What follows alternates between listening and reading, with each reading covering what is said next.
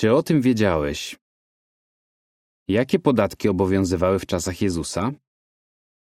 Izraelici od najdawniejszych czasów popierali czyste wielbienie środkami materialnymi. Ale w czasach Jezusa płacenie podatków stało się dla ludzi wielkim obciążeniem. Na potrzeby przybytku, a później świątyni, dorośli Żydzi płacili pół sykla, dwie drachmy.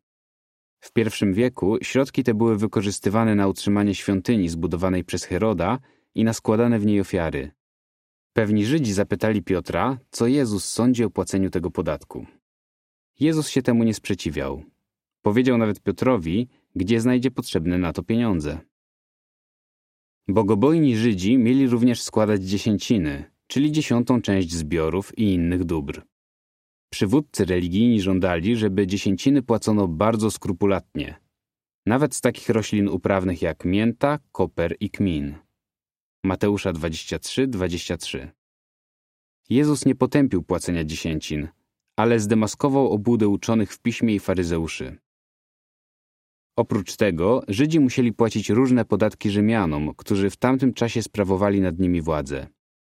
Jednym z nich był podatek gruntowy, płacony pieniędzmi lub w naturze. Jego wysokość wahała się od 20 do 25%. Od każdego Żyda był też pobierany podatek pogłówny.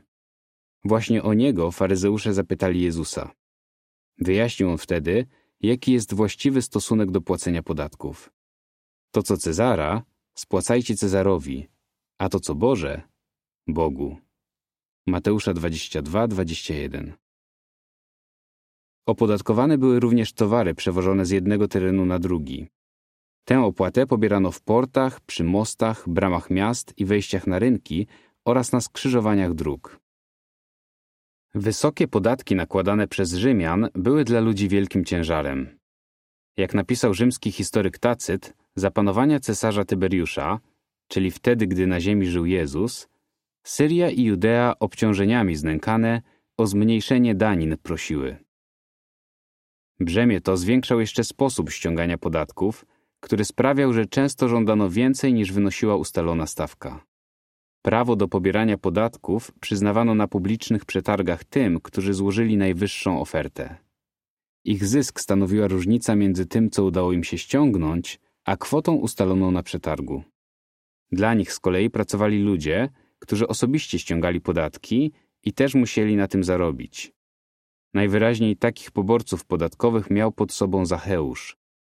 Nic dziwnego, że ludzie nienawidzili podatków i pogardzali tymi, którzy je od nich pobierali. Koniec artykułu.